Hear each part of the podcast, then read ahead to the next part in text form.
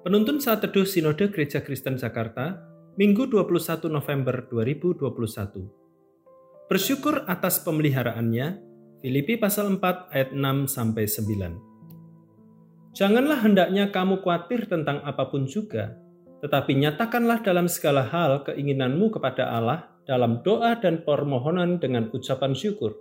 Damai sejahtera Allah yang melampaui segala akal akan memelihara hati dan pikiranmu dalam Kristus Yesus jadi akhirnya saudara-saudara, semua yang benar, semua yang mulia, semua yang adil, semua yang suci, semua yang manis, semua yang sedap didengar, semua yang disebut kebajikan dan patut dipuji, pikirkanlah semuanya itu.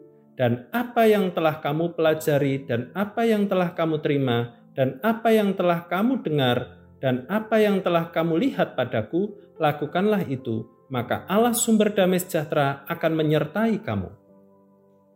Dalam kehidupan ini, setidaknya ada tiga hal yang sering menjadi pencuri sukacita, yakni kekhawatiran, tekanan batin, dan ketakutan. Kekhawatiran adalah kegelisahan yang berlebihan akan suatu hal yang mungkin terjadi atau bisa juga tidak terjadi. Tekanan batin adalah ketegangan yang berlebihan terhadap situasi yang tidak dapat kita ubah atau kontrol. Sedangkan ketakutan adalah kecemasan yang tinggi terhadap bahaya, kejahatan, dan penderitaan. Jika tidak diatasi, maka ketiga hal ini hanya akan menambah masalah dan membuat hidup tidak tenang. Pertanyaannya, bagaimana kita membentengi diri dari para pencuri sukacita ini sehingga kita bisa hidup dengan damai dan tenang? Mari belajar dari nasihat Rasul Paulus kepada jemaat di Filipi. Di tengah kesukaran dan pergumulan, ia berpesan supaya jangan khawatir.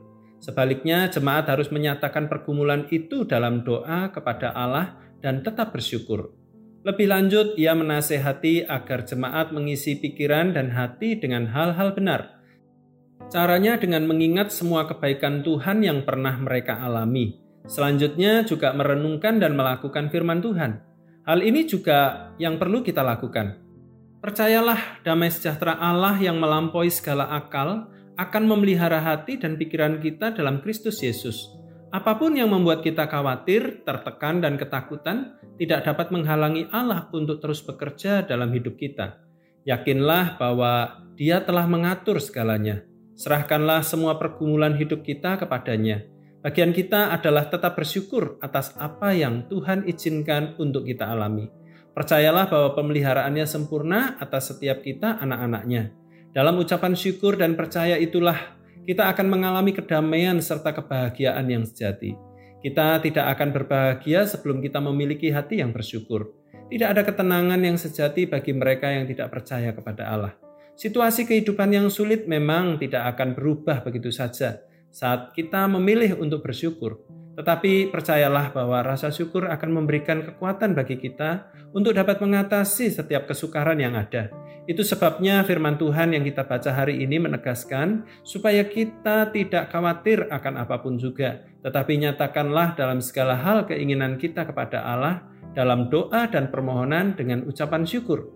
Damai sejahtera Allah yang melampaui segala akal akan memelihara hati dan pikiran kita dalam Kristus Yesus. Bersyukurlah, berdoa dan percaya akan memberikan kekuatan, sementara bersungut-sungut hanya akan menambah beban. Tuhan Yesus memberkati kita semua.